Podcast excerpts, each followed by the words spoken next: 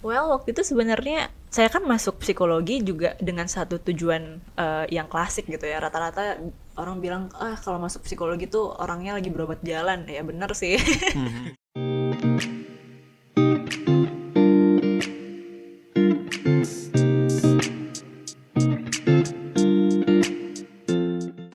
Halo semuanya, welcome back to Langkah Pertama dengan saya Wilson. Dan saya Kelvin. Nah, Kel, Hari ini kita kedatangan tamu spesial yang sangat cantik sekali. Ya. Nah, dan usahanya dalam tanda kutip usahanya itu sedikit lebih unik dari kebanyakan orang pada orang umumnya. Benar-benar. Iya. Jadi tanpa berlama-lama lagi kita langsung aja dengan perkenalkan Kak Kintari. Kak Kintari. Halo. hai. Apa kabar Kak?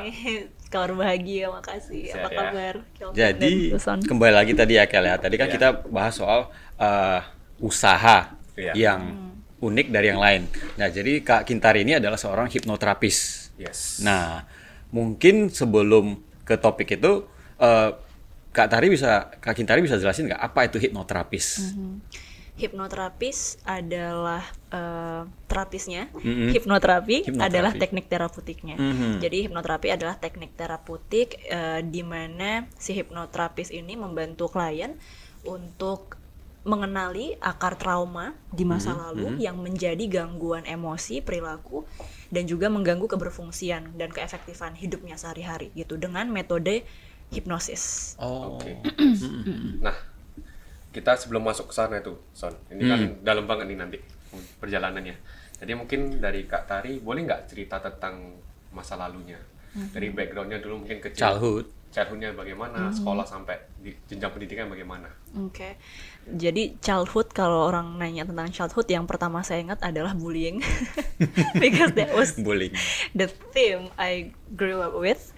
Di sekolah saya beda sendiri dan ini berhubungan dengan warna kulit ya. Jadi mm uh, ya itu saya dapat banyak bully waktu itu penindasan dan kemudian saya pikir SD oke okay, pisah gitu kan nggak yeah, ketemu yeah. teman-teman yang lain hmm. masuk SMP kirain bakal beda gitu hmm. eh ternyata sama lagi sama. sama lagi SMA ngalamin lagi jadi bayangin 12 tahun sekolah it never stops -hmm. oh, okay. terus uh, akhirnya waktu kuliah itu saya masuk ke swasta waktu itu mm -hmm. di Universitas Medan Area saya ngambil psikologi mm -hmm. karena cuma di sana anak IPS bisa kuliah psikologi. Oke. Okay. Wow. Kalau di negeri uh, kuliah psikologi itu cuma bisa anak IPA. Anak IPA ya. Dan saya IPS kan. Jadi waktu itu masuk di sana dan karena saya memutuskan oke okay, I want to start over in my life, I want to figure out how to have fun mm -hmm. di dunia akademik ini jadi saya eksplor banyak hal waktu itu. Sempat ikut jakadara pageant-pageantan sempat ikut duta mahasiswa dan wow, ternyata wow. menang pula. Aktif ya?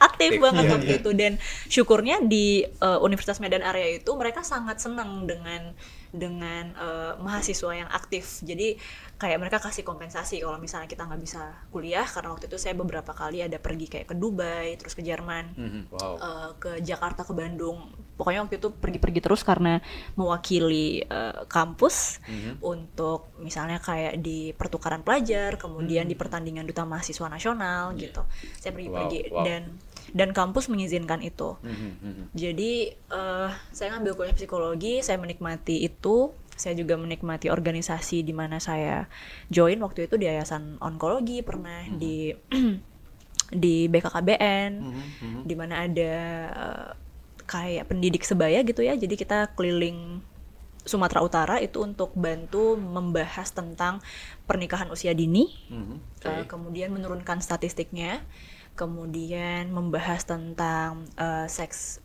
bebas, seks abuse, drug abuse, okay. dan itu banyak di uh, kalangan usia remaja. Jadi waktu itu lebih banyak uh, kasih konseling sama teman-teman sebaya gitu, yeah, dan yeah, juga yeah. ngasih kayak ceramah gitu ya. Jadi diajarin sama BKKBN, kemudian kita ngomong gitu. Dan selama kuliah saya menikmati itu semua dan saya jatuh cinta sama dunia psikologi. Okay. Kemudian hmm. saya tamat, saya lanjut S2 di USU. Wow. Gitu, saya lanjut langsung lanjut S2. nih S2. -nya. Langsung lanjut. Jadi tamat tahun 2015, 2016-nya langsung enroll. Wow. Gak pakai jeda because I knew uh, I love it, right? Okay. Kayak saya tahu someday saya pengen jadi terapis gitu. Jalannya gimana nggak tahu, tapi ya udah ya. enroll aja dulu S2 kan psikologi. Waktu itu ngambil klinis anak. Dua tahun masuk, saya quit dan ngambil hipnoterapi. Oh. Yeah. mungkin ceritanya kenapa quit di saat itu apa yang turning pointnya membuat kak Kitari oke okay, that's that's it that's enough gitu I yeah. need to find something else gitu Well, waktu itu sebenarnya saya kan masuk psikologi juga dengan satu tujuan uh, yang klasik gitu ya. Rata-rata orang bilang, ah kalau masuk psikologi tuh orangnya lagi berobat jalan. Ya bener sih. Karena trauma yeah, yeah, nih dari yeah, masa yeah. kecil, and then you know I I used to hate my life so much. Everything was hard. I didn't have friends. Dan kayak saya tuh masuk psikologi cuma pengen figuring out life waktu itu. Tapi set, se dari sekian banyak nih ceramah yang saya datengin dan sekian banyak uh, rekan sebaya teman-teman sebaya yang saya didik untuk untuk tahu uh, tentang kesehatan mental dan juga iya. menghindari hal-hal yeah. negatif dalam kehidupan mereka setiap saya masuk mobil selesai ceramah saya selalu melihat di kaca uh, review dan saya selalu bilang you're so full of shit. It's not yeah. real, oke. Okay? Yang yeah. kamu bilang itu nggak real because you can't even apply that to your life. Yeah, yeah, yeah. You yeah. know, it and that was hard karena kan kita nggak bisa escape dari diri kita yeah. ya. Kita yeah, kan selalu to yourself. yeah, I lied to myself. Nah. I thought I knew, tapi ternyata enggak dan waktu itu saya akhirnya uh, memutuskan oke okay, kayaknya saya perlu ngelihat approach yang lain. Karena clearly apa yang saya pelajari tentang mental health selama ini tidak membantu saya dan tidak membantu banyak orang yang saya jumpai. Jadi uh, saya coba uh, teknik lain yang yang baru. Dan itu uh, ilmu yang baru hipnoterapi. Sebenarnya kalau di luar itu udah lama banget sih. Tapi di Indonesia kan jarang ya hmm. uh, praktisinya. Kemudian tidak belum masuk ke sistem pendidikan. Jadi kita harus cari keluar sendiri gitu. Dan saya mulai explore apa itu hipnoterapi sampai pada akhirnya saya nyoba sendiri dan saya memutuskan ini adalah teknik yang menjadi last missing puzzle yang saya cari. Okay. This is the last missing puzzle. Ke mana waktu cari mm -hmm. uh, apa itu? Pembelajaran ini. Pembelajaran. Yeah. Saya waktu itu cuma minta, oke okay, Tuhan show me, show me, oke okay, I I trust you to lead my way. Hmm. Saya minta sama Tuhan untuk tunjukin dan waktu itu saya ketemu sama Ibu Darmawati Chang, beliau adalah satu hipnoterapis di Medan, okay. salah satu leader karena di sini uh, baru beliau yang secara open bilang hmm. ada praktek hipnoterapi. Saya coba dan it was so powerful I regress back to my childhood saya nangis-nangis di sana dan ketemu diri saya saat kecil okay. dan di situ saya memahami kenapa saya berpikir seperti sekarang kenapa saya melakukan apa yang saya lakukan why do I behave like this why my life is so hard ternyata masih banyak sekali programming-programming yang saya punya sepanjang kehidupan yang saya mm-hmm. ambil dari setiap apa yang pernah saya alami dulu tanpa discernments mm -hmm. so I never ask myself kayak contoh diajarin sesuatu nih dari uh, anggota keluarga atau dari sekolah atau dari mana. Pernah nggak kita nanyain apakah itu benar? gitu. Hmm. apakah itu uh, membawa banyak kebaikan dalam hidup? Yeah. contoh soal uang. Misalnya selalu dibilang tabu. uh, iya uang itu jangan jangan terlalu gimana sama uang. Uang itu sumber root of all evil yes, gitu misalnya. yeah, yeah, yeah. but when we listen to that when we hear that have we ever stop ourselves? Pernah kita duduk diem dan kemudian mengakses zero point kemudian menanyakan wait is that is that right is that mm-hmm. the is that a functional way to look at money yeah, yeah, yeah. right yeah, kita yeah. kita nggak pernah nanya itu dan tanpa sadar sepanjang kehidupan kita menyerap program-program ini dan menjadikannya rumusan kehidupan kita mm-hmm. and one day we wake up dan kita bingung kayak kenapa hidup terasa sangat sulit ya yeah. belief system kita yes udah distorted yeah. gitu so that's what happened to me dan di hipnoterapi saya mempelajari ada banyak sekali distortion dalam diri saya. Oh my god. So it's like Jadi, peeling the layer, kayak ngupas lapisan bawang satu persatu. Iya, iya, dan iya. akhirnya saya memutuskan saya harus ambil kuliahnya. Saya harus ambil pendidikannya. Mm-hmm. Karena saya tahu bagaimana ini sangat membantu hidup saya and I want people to experience the same liberation as I did. Nah, berarti kalau kita dengar dari sini Son, ini hmm. kan dimulai dari pengalaman diri sendiri nih. Iya. Mungkin pas masa kecil ada kena apa bullying segala mm -hmm. macam yang membuat shape mindset dia itu seperti ini. Jadi nah, belief, dia mau keluar mm. mau keluar dari situ ya. Iya. Jadi belief sistemnya Kak Kintar ini udah awalnya salah, benar kan nggak tahu lagi. Mm. Sampai yes, sampai yes. suatu hari merasa kayak I, I need to question something gitu yes. about my life gitu mm. until you found that uh, Miss Darmawati ya. Mm -hmm. Wow. Mm -hmm. Kak Kintari udah berapa lama di dunia hipnoterapi, hipnoterapi. ini?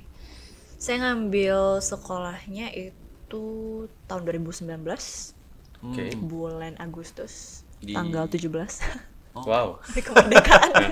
Gampang ingat ya. itu simbolik kemerdekaan saya yeah, iya, sendiri. Yeah, yeah. Saya ngambil ke Jakarta, kemudian pulang dari sana itu karena karena dia jadi last missing puzzle dan saya juga waktu itu udah kuliah, eh, udah udah cabut, eh, udah quit S2 gitu ya. Jadi hmm. saya udah punya semua basic ilmunya untuk jadi seorang terapis dan itu hanya pelengkap teknik gitu. Hmm. Jadi itu tuh kayak kita belajar tekniknya dan eh, dasar-dasar psikologi saya udah kuasain waktu itu jadi saya gabungin so it becomes a fusion hmm. between those two malah dan, jadi main weaponnya hmm, sekarang ya exactly and I love it wow, jadi wow. begitu pulang saya langsung uh, pengen nyoba karena di Jakarta waktu itu juga dikasih kan selama pendidikan saya dikasih untuk ter terapi dua orang selama di Jakarta yeah, yeah. jadi sedikit banyaknya udah lumayan pede hmm. Wow. Tapi begitu balik ke Medan, jiper lagi gitu. Ya. Jiper ya. lagi ya.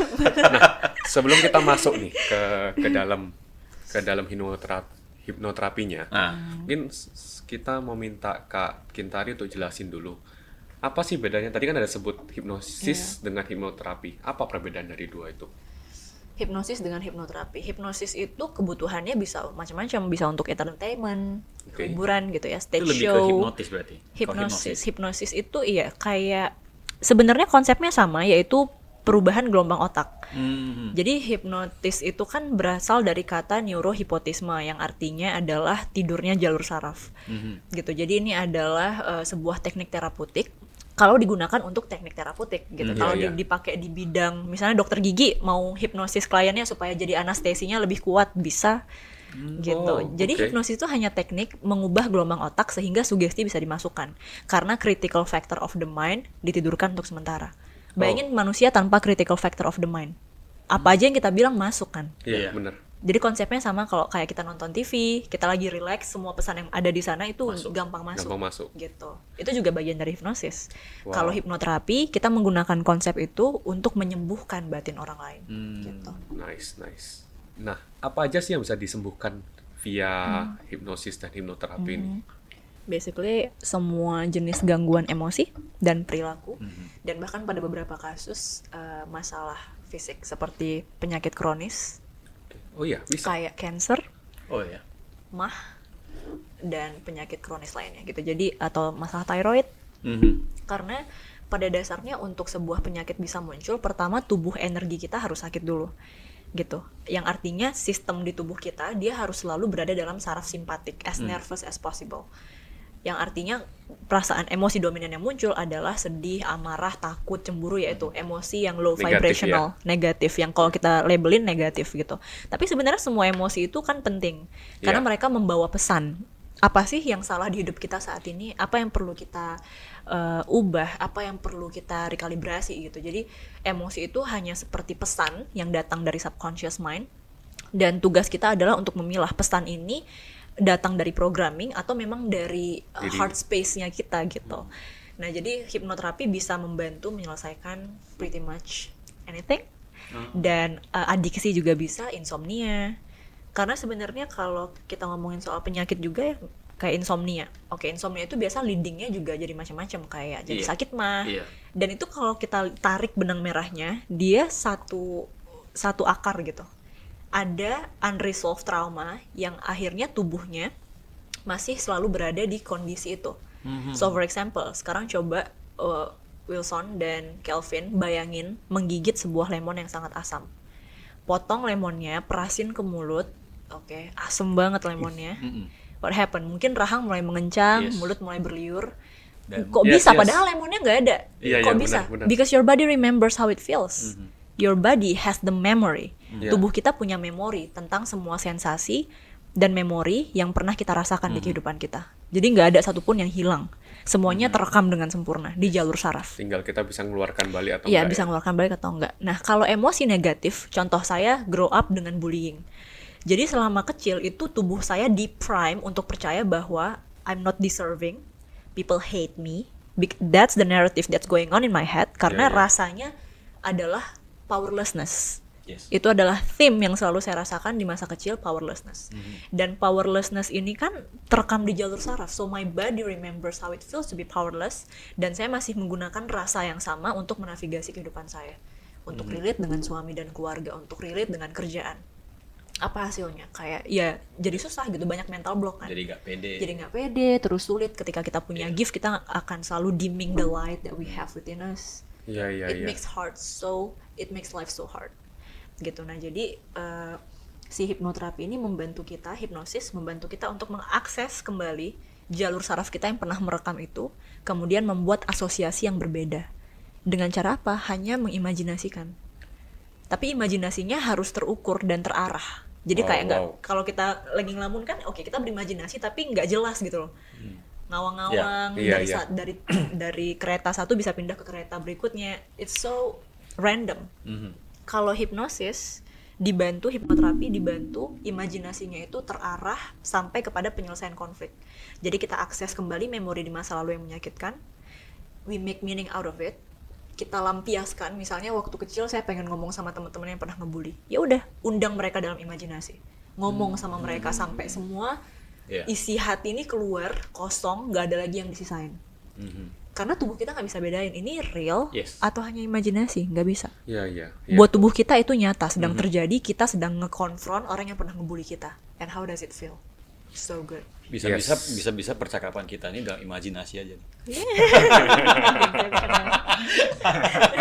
bisa jadi ya oke jadi tadi uh, ada satu pertanyaan nih kak mm. kan tadi uh, tadi kan jelasin perbedaan hipnosis hipnoterapi yeah. ya itu kan is all about acknowledging your past yes. and realign it with your present exactly. betul kan nah boleh gak kita bilang bahwa teknik ini adalah untuk menghack apa yang kita dulunya salah atau kurang tepat menjadi sesuatu yang lebih baik lagi ke depannya hack hack sesuatu untuk menjadi lebih baik gitu bisa nggak bisa bisa nggak disimpulkan seperti itu Sorry. ngehack yes. diri kita gitu diri kita mengubah program jadi hmm. ibaratkan di diri kita ini ada banyak sekali program-program hmm. program-program ini sebagian kita bawa dari lahir sebagai blueprint kita yeah. sebagian adalah hasil dari didikan lingkungan di mana kita mhm. dibesarkan. Mm -hmm. yeah. Oke. Okay. Oke. Okay? Jadi kalau ada pernah baca uh, Rich Dad Poor Dad, yes, yes. Kenapa orang yang dibesarkan di keluarga yang wealthy nggak punya masalah untuk bisa jadi wealthy ketika mereka besar? Hmm. Karena mereka nggak punya mental block tentang uang. Yeah. Mereka tidak melihat uang sebagai sesuatu yang yeah, buruk. True, true that. True. Mereka tidak melihat uang sebagai sesuatu yang evil. Mm. Yes. They don't have resistance around money. Yeah. Yeah. That's why ketika mereka gede mereka gampang aja kalau mau jadi orang kaya ya udah gitu. Programnya yeah. udah ada, tinggal mainin, tinggal mm, putar. Mm, bener bener. Nah jadi kita harus mempertanyakan program-program apa sih yang udah kita serap sepanjang hidup kita, baik itu tentang percintaan, tentang uang, tentang keluarga, tentang diri kita sendiri. Kita harus harus berani untuk mendetach diri kita dari semua program ini dan menyadari bahwa what I believe about the world, how I look at the world, gimana cara saya melihat dunia dan diri saya sendiri bisa jadi salah dan terdistorsi. It takes courage to be able to say that, right? Yeah. Wow, wow. Jadi kita nggak ngelihat itu sebagai sesuatu cemooh atau ancaman bahwa hmm. oh kamu salah. Malah gitu. embrace jadinya. Ya. Embrace, ya? embrace. Yes, I know. Selama ini yang cara saya melihat dunia, menjalani kehidupan itu distorted dari program masa hmm. lalu. Saya nggak pengen program itu lagi. Now it's time for you to reinvent your new program. Wow, wow. Nah, ada nggak sih orang yang nggak bisa di hipnoterapi? Sebenarnya orang yang nggak bisa hipnoterapi hanyalah mereka yang tidak bisa mendengar instruksi, mengikuti instruksi, dan juga tidak mau, tidak rela. Berarti tetap tutup pintu mereka tutup ya? pintu. Jadi harus konsen dulu, harus mau. Okay. Jadi mereka datang dengan penuh kesadaran bahwa Kak Kintari, saya mengakui bahwa ada program-program bapuk dalam diri saya. Help me to get out of it. You wow, wow. Bantu saya untuk reinvent program yang baru program yeah, yeah. seperti apa yang kamu mau? Kalau kamu bisa mengimajinasikan versi kehidupan terbaik yang kamu punya how does it look like? How does it feel? Mm-hmm. then I can help you. Kalau dia udah punya gambaran nih apa yang dia mau? Wow. atau sesimpel oke okay, dia nggak tahu apa yang dia mau tapi dia tahu di mana dia berada sekarang bukanlah sebuah tempat yang otentik. Ini adalah program-program yang bikin saya uh, menjalani kehidupan dengan penuh rasa takut misalnya. Oke okay, kita lepaskan program itu. Kita cari dari mana asalnya. And honestly it's not about blaming people karena kan banyak orang bilang oh ya hipnoterapi. Jadi akhirnya nyalah nyalahin orang tua dong. Hmm. jadi akhirnya nyalah nyalahin yeah, sistem yeah. pendidikan. Hmm. no it's not about blaming it's about acknowledging. It's about being aware of it. Oh ternyata orang tua kita tidak sempurna. Oh ternyata sistem pendidikan kita uh, defect gitu. Ada yang ada yang perlu hmm, dibenahi. hmm, we have to yeah. be able berarti kita filter ya. Yes, yang bagus filter. kita ambil yang jelek kita lepaskan. Exactly. That's the point. Wow. So it's not about blaming it's about uh, having awareness. Ya yeah, knowledge Nah, kita masuk ke lebih teknis nih. Hmm. Uh, boleh nggak kak jelasin lebih teknis ya gimana hipnoterapi ini membantu menyembuhkan luka batin? Oke, okay. hipnoterapi ini kan teknik terapeutik di mana kita mengalter kesadaran seseorang. Yeah. So we change the brainwave dengan hmm. apa? Dengan tuntunan kata-kata, gitu. Jadi contoh pertama saya minta mereka untuk tutup mata, kemudian merasakan tubuh mereka, alirkan, imajinasikan mereka mengalirkan aliran relaksasi dari ujung kepala sampai ujung kaki, rasakan setiap organ tubuh, kemudian istirahatkan. Buka mata, tutup mata, istirahatkan. Jadi kayak dikasih panduan untuk mereka menidurkan Relax tubuh dulu. mereka. Hmm, Jadi tubuhnya dulu. sampai bisa tidur dan itu bisa dicek uh, dengan beberapa indikator seperti ada arm katalepsi, mereka nggak bisa ngangkat tangannya lagi, mereka nggak bisa buka matanya lagi. Itu artinya hipnosisnya sudah dalam. Hmm. Jadi tubuhnya udah tidur, tapi awarenessnya masih masih fokus mengikuti yeah. setiap instruksi. Jadi, ada alatnya nggak sih untuk untuk ngukur-ngukur itu semua? No, uh, alatnya ada.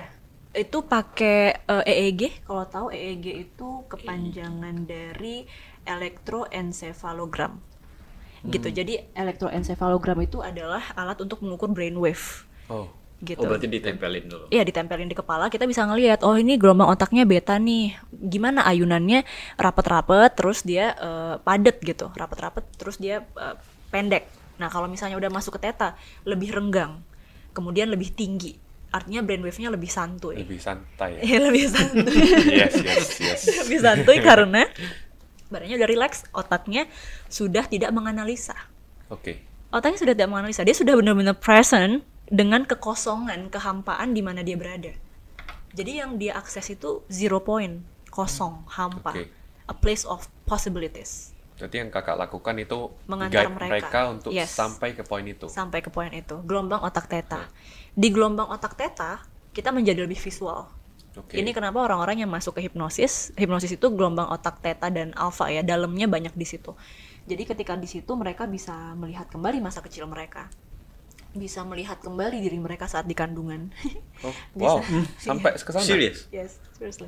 Wow. Bisa dan itu akurat loh. Jadi ada yang uh, dia ngeliat dirinya di kandungan dia mendengarkan ibu sama neneknya ngomong sesuatu dan kemudian dia konfirmasi ke ibunya karena itu menjadi alasan depresi dia saat ini ada sesuatu yang dibilang sama ibu dan neneknya kemudian dia konfirmasi ibunya kaget kok kamu bisa tahu nenek pernah bilang gitu ke mama mm-hmm. I saw it katanya di mana hipnoterapi wow oh. ingat bahwa hipnoterapi mengakses jalur saraf kita bisa mengakses apa pun yang pernah direkam oleh sensori kita apa yang kita okay. dengar apa yang kita lihat saat di kandungan mungkin kita nggak ngerti karena kita belum punya konsep bahasa. Ya, ya, ya. Tapi setelah kita punya konsep bahasa, kita balik kembali di situ, kita bisa mengakses apa yang pernah kita rekam dengan sensori kita di sana. Oke, jadi poinnya menarik. Jadi saya langsung bertanya aja. Mm-hmm. Let's say uh, seorang klien itu, mm-hmm. let's say pasien itu menderita autis. Autis itu kan mungkin dari kecil nih. Yeah. Pasti ada kerusakan saraf ya, kalau autis ya. Itu kira-kira bisa nggak memper uh, akses akses sebenarnya kalau autis itu tergantung kalau dia bisa denger instruksi dia bisa uh, ngikutin instruksi bisa kalau misalnya gejala autisnya ringan tapi kalau gejala autismenya berat sulit berat ya berarti kalau misalnya ada uh, auti, uh, autisnya berarti tergantung pendengarannya tergantung uh, kemampuan kognitif karena kan hmm. kalau autisme itu dia biasa gangguannya juga salah satunya di bahasa hmm. jadi sulit untuk fokus nah itu yeah. it, itu adalah persyaratan pertama dari dari uh, hipnoterapi hmm. kita harus bisa duduk diam fokus mendengarkan instruksi mengikuti instruksi oh. kayak gitu jadi kalau untuk autisme mungkin lebih ke play therapy gitu jadi beda kalau misalnya beda, ya? autisme kayaknya nggak hmm. bisa nah kalau tadi kan kak Kintari ada mention about visualize. Mm -hmm. Setelah masuk ke theta, mm -hmm. kan kita visualisasi. Mm -hmm. eh, mungkin aku ada belajar NLP ya. Mm -hmm. Jadi NLP itu kan ada kinestetik, ada visualize, ada auditory. Yeah. auditory. auditory. Mm. Nah, ada beberapa orang malah digital, dia nggak dia nggak bisa visualize, dia nggak bisa auditory, dia nggak bisa kinestetik. Mm -hmm. Nah kan kalau di hipnoterapi ini kan dia mm -hmm. kita mesti visual. Itu gimana nanti? Hipnoterapi sebenarnya tidak harus visual, tapi uh, mayoritas yang saya temui mereka visual. bisa visual okay. ketika masuk ke teta tapi ada yang sama sekali nggak bisa ngelihat apa-apa jadi kalau misalnya kayak gitu saya suruh mereka imajinasikan dengan cara mereka sendiri entah itu mungkin dengan pendengaran entah itu mungkin dengan hmm. dengan tubuh gitu nah, hmm. nah kan ada yang nggak bisa imajinasiin apa pun yeah, yeah. jadi bisa mereka hanya sesimpel uh, rasain aja orang yang pengen mereka ajak bicara itu ada di depan mereka terus mereka ngomong oh, gitu okay. so it, it can be as simple as that nah biasa kalau sudah bisa mengakses itu yang lain akan mengikuti imajinasinya jadi lebih fluid dengan caranya sendiri itu hanya gitu. berarti kita mesti mencari kickstartnya itu apa yes. dulu ya uh -uh. dan itu mesti kembali dengan diri kita sendiri dengan sebagai kita sendiri. kliennya yes contoh misalnya uh, kalau di teknik untuk turun ke subconscious mind itu saya biasa pakai teknik tangga di mana mm -hmm. saya suruh mereka imajinasikan mereka turun tiga level dan semakin dalam mereka turun mereka semakin dalam level kesadaran yang mereka akses. Nah ada yang bilang kak saya nggak ngelihat tangga saya nggak ngelihat apa pun. Yeah. It's okay imajinasikan aja kaki kamu sekarang udah di tangga itu dan sekarang kamu turun seiring hitungan mundur saya 5, 4, 3 kamu bayangin kaki kamu turun ke bawah gitu. It works. Wow. Wow. So it's about finding what works for the client dan setiap orang punya caranya sendiri untuk berimajinasi mm -hmm. untuk yeah. play pretend right mm -hmm. Dan tubuh tidak tahu apakah itu real atau hanya imajinasi. Bagi tubuh itu benar-benar terjadi. Hmm. nah tadi konsep-konsep yang tadi kakak jelaskan itu bisa nggak diterapkan ke apa untuk melepaskan mental block? Mm -mm. bisa. Bisa.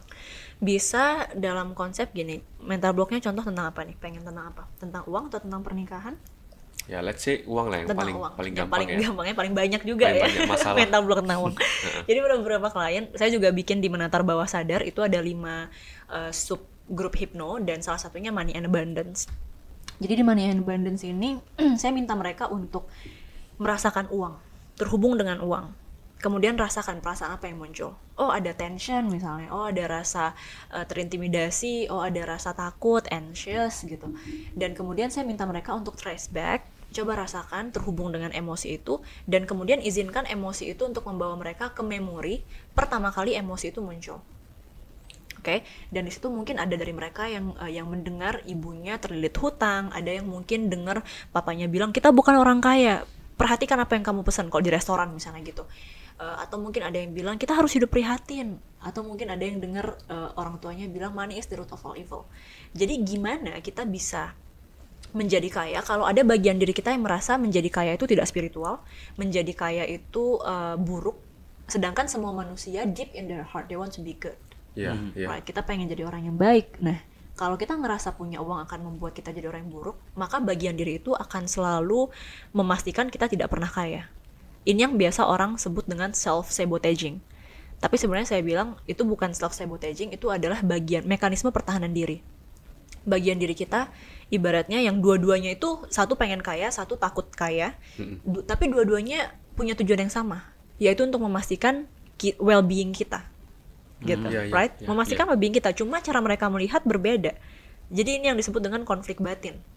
Yeah. Jadi batin kita sendiri uh, facing towards different map of reality facing towards different directions. Yeah. Ini sama kayak kalau kita lagi di sungai kemudian kita nge ngayuh sampan.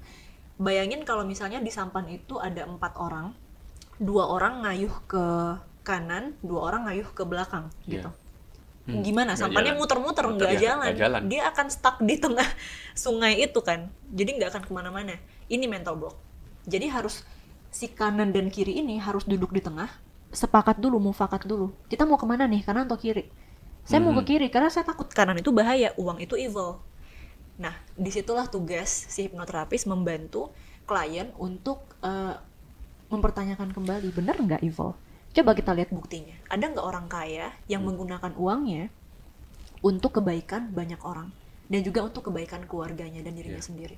Ada nggak orang kaya yang uh, keluarganya itu harmoni, bahagia, karena kan salah satu mental block yang sering juga orang kaya tidak bahagia. Iya yeah, iya. Yeah. gitu. Jadi jadi saya suruh mereka untuk cari bukti yang lain dan kemudian uh, minta si bagian diri yang pengen kaya itu untuk bilang ke bagian diri yang takut kaya bahwa di tangan kita uang bisa menjadi sesuatu yang baik. So it's not about the money it's about our intention. Nah biasanya bagian diri itu akan ngeh iya juga ya gitu kan. Yeah, dan yeah. akhirnya dia on board. Dan akhirnya mental blocknya dilepas seperti menjentikan jari besoknya mereka bisa manifest uh, project berubah. dan uang berubah kenapa karena it it it uh, affects the way they see things and behave hmm. and make decision hmm, right hmm. ini end game-nya adalah keputusan apa yang kita ambil kalau kita nggak punya resistance tentang uang kita melihat uang adalah ally-nya kita sebagai teman yang membuat hidup kita lebih fungsional lebih baik kita bisa bermanfaat untuk banyak orang membawa kebaikan untuk kita dan keluarga kalau kita punya map of reality ini tentang uang tentu cara kita behave saat kita mengeluarkan uang saat kita earn money yeah. semuanya akan revolve around that concept and when you have no resistance it comes to you like that semudah itu gitu wow hmm, wow hmm, hmm. Nah ini salah satu uh, mental block lagi misalnya kalau mau kaya harus kerja keras. Yes. iya iya iya. Terus ada orang yang udah kerja keras nggak kaya kaya nah. gitu. Ya karena itu. Karena dia punya pemikiran oke okay, kalau mau kaya harus kerja keras. Gimana? Apa patokan barometer dari kerja keras? Gak ada yang bisa jawab kan. Jadi dia ngerasa dia harus susah seumur hidupnya supaya bisa kaya. Iya. Tapi kita lihat buktinya ada banyak orang yang sangat menikmati pekerjaannya. They love what they do. Oke, okay, challenge mungkin ada, but they can enjoy it as well and they're rich for that. Mm-hmm. Yes. Servisnya menghasilkan banyak uang dan itu membuat mereka menjalani kehidupan dengan sangat uh, free, full okay. of choices. Jadi uh, perbedaan dengan orang yang tahu hidupnya itu mau gimana sama perbedaan orang yang tadi ya misalnya orang mm-hmm. harus kerja keras mm-hmm. baru bisa kaya, sedangkan yang ini kan enjoy aja. Mm-hmm. Perbedaan ini apa? Berarti perbedaannya apa? Berarti perbedaan di belief system atau apa? Ya, perbedaan di belief system. Berarti di belief system dan tugas uh, hipnoterapi ini adalah untuk memperbaiki belief system ini exactly. supaya orang ini di tune up seperti apa yang mereka mau. Yes. Bukan seperti yang hipnoterapis mau. Exactly. Iya kan? Jadi ketika mereka hmm. datang, mereka uh, bawa pesannya sendiri kayak Kak Kintari, gini nih versi kehidupan terbaik buat, buat saya. Nah, kenapa saya nggak bisa ke situ? Di situlah kita ketemu missing linknya. Oh, hmm. ternyata ada ada mental block tentang ini misalnya gitu. Atau misalnya ada yang udah di pernikahan, terus dia ngerasa pernikahan tidak bahagia dan ternyata dari kecil dia selalu dapat doktrin bahwa semua laki-laki sama aja pada akhirnya akan suka sama perempuan yang lain. Mm-hmm. rupanya karena ibunya insecure. Yeah. sadari bahwa itu datang dari insecurity ibunya. Dan kemudian dia serap insecurity itu. Dia jadikan programnya sendiri. Nah karena insecurity-nya itu akhirnya tentu pernikahannya tidak bahagia. Karena dia selalu yeah. jealous dia selalu um, negatif ya. negatif. Jadi akhirnya suaminya juga kayak masukin koin ke vending machine yang blong Tau gak sih? Kayak kita masukin koin dan keluar terus kan duitnya. Yeah. Karena mm-hmm. vending machine-nya tidak bisa menerima, sama dengan cinta. Mm-hmm. It can be very hurt to love someone who can accept your love, who can see it. Wow. Karena yeah. dia ngerasa dia tidak layak dicintai. Jadi apa pun yang kita lakukan tidak pernah cukup karena dia sendiri tidak merasa bahwa tidak bisa menerima. That is real, yes. Dia tidak bisa menerima. Dia nggak bisa melihat detail bahwa pasangannya benar-benar cinta sama dia. Kenapa? Karena insecurity yang dia pakai and it's not even hers to begin with it's her mother's yeah that's crazy mm -hmm. gitu jadi harus bisa di trace back kira-kira kan uh, kita udah ngobrol banyak nih soal mm -hmm. hipnoterapis dan sekarang ini kan banyak ya soal uh, tentang istilah itu namanya coaching gitu. Mm -hmm. Maksudnya kan hipnoterapis kan sedikit berbeda. Yeah. Tapi kira-kira apa sih perbedaannya misalnya coach seorang coach katakanlah life coach yes. kira-kira seperti Tony Robbins gitu ya kan life coach dengan hipnoterapis itu perbedaan dan persamaannya apa ya kira-kira kan kalau life coach itu dia lebih kepada menggunakan otak sadar kan hmm. jadi dia nggak mungkin akan uh, memperbaiki subconscious mind tapi pada level aktivitas jadi kayak dia menyusun plan di hmm. mana hmm. si orang ini harus mengikuti plan itu ya kan misalnya bangun tidur harus ngapain hmm. terus nanti hmm. gimana dia uh, pitching misalnya gitu. Hmm. Jadi kayak dituntun setiap langkahnya. Hmm. Sedangkan kalau hipnoterapi kita membantu klien supaya dia bisa menuntun dirinya sendiri. Gitu. Hmm. Jadi kita bantu hmm. lepasin mental blocknya, kita bersih-bersihin subconscious mind-nya, masukin program yang dia mau dan dia akan menjalankan program itu sendiri tanpa harus banyak dipandu. Dia akan selalu mengembalikan dirinya kepada uh, zero point itu sendiri. Karena dia tahu gimana dia bisa mengakses uh, pikiran bawah sadarnya dia tahu gimana dia bisa uh, giving themselves the pep talk. Dia tahu gimana dia bisa um, membuat keputusan itu datang dari kesadaran yang tertinggi. Hmm. gitu. Jadi setiap dia mau mau bikin keputusan contoh dia bisa pause dulu dan dia menyadari oke okay, apa keputusan yang bisa membuat saya lebih dekat dengan apa yang saya inginkan? Tapi itu datang dari kesadarannya. Nah ada nggak orang yang datang mm -hmm. dia tahu nih dia ada problem nih di dalam diri aku banyak banget problem. Tapi solusinya aku nggak tahu. Uh-huh. itu kira-kira sebagai terapi bisa sebagai terapis bisa nggak bantu dia untuk gak dia? Sebenarnya kamu mau itu apa gitu loh? Nah kayak mungkin kayak aku datang kak aku ada masalah nih. Yes. aku nggak tahu apa solusinya gitu. Yes. itu gimana kira-kira? Nah ini menarik dan saya suka pertanyaan ini karena pada dasarnya kita semua tahu. Tapi apa yang membuat kita merasa kita tidak tahu? Karena kita takut untuk hmm. mengakui bahwa kita tahu takut takut datang dari mana masa kecil balik lagi it's always rooted from our childhood mm-hmm. di mana contoh waktu kecil at least kita semua pernah nggak kita lagi nggak lapar kita nggak pengen makan lagi tapi orang tua bilang suapan terakhir ayo makan ayo makan yeah. like we are forced to do something that we don't yeah. like and we don't want to do yeah. Yeah. Dari detail itu aja kita udah belajar bahwa kita nggak bisa percaya sama diri kita. Hmm. Apa yang kita rasakan tidak reliable gitu, nggak bisa didengar karena kita nggak lapar nih tapi orang tua paksa kita makan oh artinya saya memang masih harus makan gitu hmm. atau baju misalnya kita milih baju kemudian orang tua maksa suruh ganti karena malu dilihat uh, tetangganya kayak badut bozo gitu warnanya yeah, yeah, marut kan yeah. Padahal itu menurut kita keren banget misalnya waktu kecil itulah sense of exploration kita pengen yeah. pakai baju heboh yeah, yeah, dengan warna yang ngejreng. Hmm. Tapi orang tua malu sama tetangga disuruh ganti baju. Di situ aja kita belajar bahwa kita nggak bisa mendengarkan keputusan kita nah, because it hmm. leads to shame. Nah, hmm. di hipnoterapi kita kan ngebantu nih klien masuk ke zero point, di mana dia mengakses kehampaan dalam dirinya, titik kosong uh, where every possibilities happen, could happen, right? Nah, ketika di sana itu dia bisa lebih sensitif dengan apa yang dia rasakan. Contoh kalau selama ini dia buka mata, dia suka nolong orang, spread himself thin, so he can please others. Sadari bahwa ini juga datang dari program masa kecil untuk selalu membantu orang lain, tapi deep down dia drain Mm, yeah. So it doesn't come from a heart space, it doesn't come from wisdom, yeah. it comes from fear, it comes from programming, ya kan? Nah, ketika ada di sana, di situ dia bisa menyadari dan kemudian uh, menyadari apa yang dirasakan bahwa oh ya selama ini sih nggak suka sebenarnya nolong orang dengan cara seperti mm -hmm. itu. Diutangin mau aja terus-terusan udah bolak-balik nggak dibalikin duitnya yeah. terus lagi terus lagi gitu. Iya yeah, iya. Yeah. Ya kan dia akhirnya di situ mulai sadar dengan sangat tajam dan rasa itu menjadi 10 kali lipat lebih intens because look dia lagi nggak makan dia lagi nggak ngeliat apa pun dia tutup mata dia tidak mendengar apa pun selain instruksi saya. Dia tidak melakukan apa pun selain duduk dia merasakan apa yang dia rasakan di hatinya. Jadi jujur banget kan semua rasa yang selama ini dia terlalu takut untuk admit dia bisa jujur pada saat itu. Oke jujur saya nggak suka bantuin orang. I hate it. I want to stop doing that. I want to stop spreading myself thin because it drains me. Oke dia sudah mengakui Nah sekarang kita bisa bantu dia untuk tanyakan apa yang kamu butuhkan untuk membuat situasimu lebih baik. Saya nggak bisa ngasih advice karena saya nggak tahu hidupnya. Yeah, saya iya. nggak yeah. tahu siapa iya. orang-orang yeah. di sekeliling dia. Yeah. Saya iya. nggak yeah. tahu apa yang dia makan di pagi hari dan malam gimana dia beraktivitas. I don't know. Right? Yang saya tahu cuma segelintir versi hidupnya. Mm. Dan di titik itu dia bisa mengakses rasa tertinggi.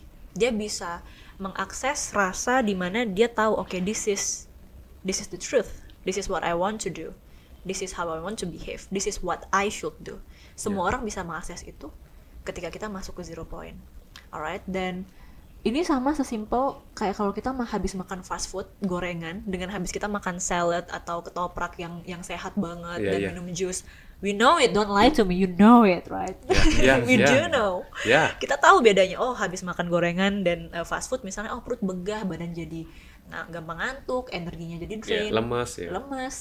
Habis makan sesuatu yang Segar. banyak sayuran tumbuhan ya itu kan life force kan. Mm-hmm. ada energi matahari di sana dan air yang yang menghidupkan gitu. Kita makan itu badan kita enak. We know how it feels. Jadi pada dasarnya kita semua tahu Jawabannya kita semua sensitif dengan energi. We know the answer. What we need to do and change in our life to sustain you know our progress. Tapi untuk bisa mendengar itu kita harus berani. Courage, ada courage yang harus diperlukan. Harus ada courage, iya. Dan tugas terapis adalah untuk mengantarkan si klien kepada courage itu. Oke. Nah, Kak, kembali tadi sama penjelasan tadi. Ini kan Kak Kintari juga udah udah ibu ya. Mm -mm. Punya anak satu. Yes. Nah, kembali tadi kayak misalnya contohnya Kak Kintari sebagai mama nih. Tahu anaknya baru makan dua suap. Iya. Yeah. Tapi anaknya udah bilang dia kenyang. Mm -mm. Kok tadi kita pas kecil kan kita selalu bilang ayo suapan terakhir suapan terakhir nah sekarang kok dengan posisi seperti ini hmm. bagaimana kakak untuk menangani hal ini supaya anak ini jangan sampai ada trauma nanti yes. di ketika dewasa dia ngalamin hmm. hal seperti ini juga gitu amazing question saya selalu tekankan dalam batin dan saya tahu this is the truth that our kids anak-anak itu punya survival instinct yang sangat tinggi Ya, ya. Ya kan, bayi, ya. anak-anak itu survival instingnya tinggi banget tuh kayak mereka pengen susu mereka nangis kenceng yes. yeah. I want it now because my body needs it mereka yeah. tahu kita kehilangan spark itu karena seiring dewasa we are being told what to do many many times right iya yeah, iya yeah. so ini adalah kesempatan untuk saya melihat Kinana anak saya itu blooming jadi versi terbaik dari dirinya dan di sini saya menggunakan discernment jadi kayak oke okay, ada bagian diri saya yang pengen dia makan lebih banyak takut dia kehilangan berat badan misalnya saya pengen anak saya tetap montok karena lucu gitu yeah, kan yeah, yeah, yeah. I have to be honest to admit that and it's not for her it's for me right yeah. mm -hmm. it's not even for yeah, her it's yeah. for me nah sekarang saya tanyakan oke okay, apa parameternya si Kinana ini sehat gitu oke okay, dia sehat, dia aktif, perkembangannya milestone-nya semua tercapai, kemudian dia happy, dia gampang ketawa, dia bisa diajak main gitu dan itu udah lebih dari cukup. Jadi sekarang aja karena dia masih menyusu, dia makannya masih sedikit banget. Kadang dia cuma makan, karena kan saya dari awal juga BLW, jadi kayak dia bisa makan kayak isap-isap sayurannya terus dibuang gitu. Tapi itu adalah proses dia lagi belajar makan Yeah, yeah. Dia lagi belajar mengenali lapar. Dia lagi belajar gimana sih caranya saya masukin makanan ke mulut kemudian dikunyah. Oh ini ada rasa yang beda, teksturnya beda, masuk mulut rasanya beda gitu. Jadi dia sedang mengeksplorasi, lagi belajar hmm. dan saya mengizinkan itu. Jadi satu hari itu belum tentu ada uh, kayak satu piring full yang habis. Oh. Sampai sekarang Kinana usianya satu uh, satu tahun tiga bulan. Okay. And I'm totally fine with that because I know how human body works dia masih menyusui uh, dia menyusul lumayan kuat dan saya akan kasih dia waktu sampai dia siap untuk mendapatkan nutrisinya mostly from food sekarang hmm. dia masih ngerasa mostly nutrisi yang dia butuhkan adalah dari asi yeah, yeah. so I give her that dan saya nggak pernah maksa gitu. Dan dan saya juga bilang hal yang sama sama neninya. Dan neninya juga tahu jadi akhirnya kita semua relax di rumah. Hmm. oh oke okay, dia nggak mau makan ya udah gitu. I trust your body. Nanti dia lapar ya udah kasih uh, kasih sayur kukus misalnya atau makan yang udah tadi saya bikin. Kemudian saya dia makan mungkin sedikit lebih banyak. Karena pas tadi pagi saya kasih rupanya dia nggak lapar gitu. Yeah, yeah. so baby knows right? Dan yeah. saya pengen dia untuk mempertahankan skill ini. Mengenali dirinya. Kapan dia lapar kapan dia harus berhenti interesting jadi let's say let's yeah. say ya saya juga baru jadi bapak sih. Jadi let's say uh, si bayi ini tidak makan di pada waktunya. Yeah. misalnya kan kalau bayi ini uh, jadi anak saya kan baru memasuki bulan ketiga nih. Yeah. misalnya setiap setiap dua tiga jam kan mesti nyusu ya? Nyusu ya let's say di waktu itu dia gak mau nyusu. Mm-hmm. just let it be atau gimana? Just let it be. Just let it be. Yes. Misalnya kalau harusnya kan tiga jam udah usianya berapa nih bu memasuki bulan ketiga sih. Oh bulan ketiga. Jadi kan harusnya tiga jam udah mesti makan nih. Jadi yeah. nangis gak nangis kan biasa kita cekokin. Iya yeah, cekokin. Kalau nangis ya udah pasti cekokin. Yeah. Tapi kalau nih gak nangis ya ini benar lapar atau enggak kan? Yes. Kalau dicekokin nggak mau. Mm-mm. Padahal udah tiga jam nih ya kan? Yeah. Kan kita tahu nggak boleh lebih dari beberapa jam. Mm-mm. Lagi gimana dong kalau gitu? Jadi let it be let it be karena sekali lagi kita tanyakan siapa yang bikin rules anak harus minum yeah. setiap tiga jam sekali hmm.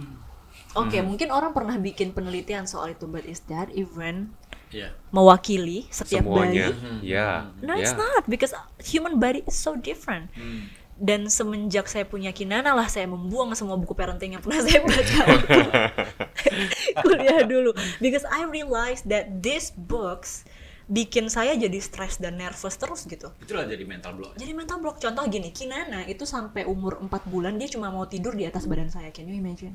Wow. Dia cuma mau tidur di atas badan saya dan setiap anak beda. Ada anak yang mau tidur di krip, Kina nggak mau. Karena mungkin dia mewarisi stres saya pada saat di awal kehamilan. Waktu itu kan luka batin saya banyak muncul di awal hmm. kehamilan. Mungkin uh, ya itu hormon stres saya pernah masuk ke dia, jadi ada rasa insecurity di hmm. di beberapa bulan pertama kehidupannya jadi di situ lima bulan dia bener-bener cuma pengen tidur siang di badan saya ya udah gitu karena kalau saya ngelihat buku buku akan bilang saya adalah bad mother for letting my baby to do that to me. Yeah, yeah, yeah. day and night, seriously. Anak saya tidur di atas badan saya day and night. Tapi sekarang what happened? When I let her to have the safety that she needs, ingat bahwa anak hanya akan bisa mengeksplorasi dunia, kemudian menjadi cerdas karena itu dari proses belajarnya ketika dia merasa aman.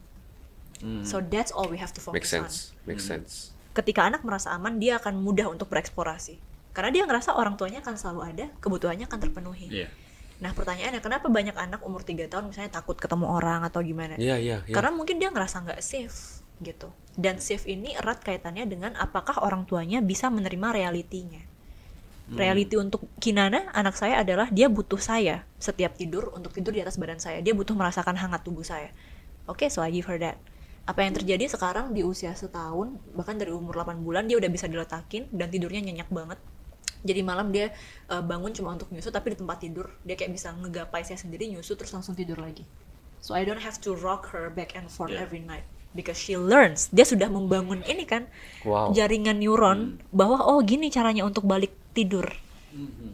waktu itu kan dia bangun misalnya tengah malam setiap tiga jam atau setiap dua jam sekali dia bangun tengah malam saya harus ayun dia yeah. itu capek banget luar biasa saya juga Bener. sama suami luar biasa loh itu nggak tidur baru habis lahiran right and that's why teamwork is so important yes.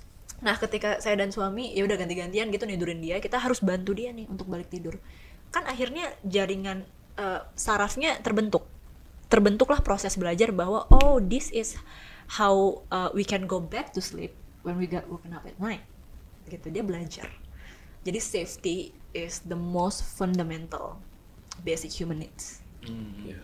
wow berarti kan berarti sebenarnya banyak belief system maupun stigma-stigma dari luar yang mm-hmm. kadang-kadang mm -hmm. Not real gitu. Mm -hmm. Jadi misalnya ada ada ada beberapa bahwasanya kalau kita terlalu memanjakan anak itu ketika yes. mereka udah nangis kan ada kalau nggak salah gue dapat dari bacaan Amerika kan kita iya, iya, oh kalau anak itu saya juga baca tuh. bangun atau nangis biarin dulu 10 menit. Yes. Ya kan? Then lately I want to try that. But my wife said jangan dong we have to make her safe gitu loh. But aku masih ada berbeda pendapat. Iya iya. Jadi it was kinda hard jadi terakhir memang ya udahlah mau mau percaya gimana yes. terakhir ya percaya diri sendiri aja yeah, follow your ya, intuition ya udah udahlah gak apa-apa nangis kan masih kecil nih anak Betul. kok Betul. mesti ditinggalin gitu loh Betul. That is the challenge that we have living in this world today. Mm -hmm. Kita harus berhadapan dengan the so-called experts mm -hmm. telling us what to do with these fancy journals. Yes. Yang jujur itu tidak mewakili half of the population even. Iya. Yeah. Ya kan kalau misalnya mereka oke okay, ngambil nih uh, kayak responden penelitian berapa hmm. sih Bener. gimana sih latar belakangnya backgroundnya yeah. itu sangat unik gitu hmm. dan ketika itu dijadikan acuan untuk telling parents or people what's right and what's not it can be very confusing yeah. maka di saat ini penting untuk bisa menembus melihat semua fancy journals and follow your heart instead and when we do that it is so liberating sangat membebaskan hmm. dan keputusan yang kita buat juga akan efektif wow. gitu Oke, okay, talking about heart. Jadi kan tadi uh, Kak Tari ada ngomongin soal kita ke gelombang mm-hmm. seorang badan, uh, se- se- seorang uh, seorang diri, kita back to the zero point, yes. di mana kita ask them what they really want. Mm-hmm. Can they lie? Can a heart lie? Mm-hmm. Bisa nggak? Bohong nggak bisa, hmm. tapi programming bisa nyesap, bisa masuk. Jadi contohnya gini, tadi misalnya kita ambil satu case tadi, mm-hmm. kita mesti kerja keras untuk bisa kaya. Yeah. Jadi si klien ini jumpain Kak Tari nih. Mm -mm. Kak Tari kan udah mulai kasih dia contoh kan, misalnya yes. uh, kamu lihat sekeliling, apakah benar-benar orang yang kerja keras bisa kaya gini-gini? Mm -hmm. Kan kita mengarahkan meng, uh, meminta dia acknowledge, acknowledge kebenaran yang dia percaya dulu. Yes. Begitu kita udah mulai acknowledge kan dia jadi kosong nih, jadi like empty. Nah, kemudian kita nanya dia, what do you really want? If he doesn't know what he want, mm -hmm. atau if he lie about what he wants, mm -hmm. how about that? How to work with that gitu? kadang kita bilang saya pengen ini tapi hmm. ternyata itu datang dari programming yeah. contoh tadi saya pengen jadi psikolog anak oh ternyata itu datang dari programming untuk bikin orang tua saya bangga yes. padahal saya suffer di dalam yeah. right I have to be hmm. uh, honest to admit that first hmm. nah kita keluarin aja dulu semua jawabannya hmm. jadi kita nggak perlu langsung buru-buru bilang oke okay, this is the answer no kita keluarin semua jawabannya let ourselves to brainstorm mm-hmm. ya kan oh mm. jawabannya ini yang saya mau ini yang saya mau kalau ada yang kontradiktif di sana baru kita bisa tanyakan apakah ini datang dari programming atau dari heart space how does it feel mm-hmm. come to your heart space biasa kalau kita mikir kita uh, lihat ke atas kan mm. sekarang coba lihat ke bawah rasakan heart space di sini ini mm. intuition hmm. gitu nah ketika kita ngeliat ke heart space ngerasain oh it feels right apa sih artinya it feels right it just feels right you don't know how to explain it yeah. but it feels like you are in alignment with that answer mm-hmm. then that's the answer nah kalau misalnya ada orang yang benar-benar clueless nih yes. ada juga beberapa mm. kan misalnya kayak ditanya oke okay, what do you want how do you want to live your life I don't know. from now on gitu. I don't know I don't know I don't know that's the answer karena programnya udah udah tebel banget gitu mm.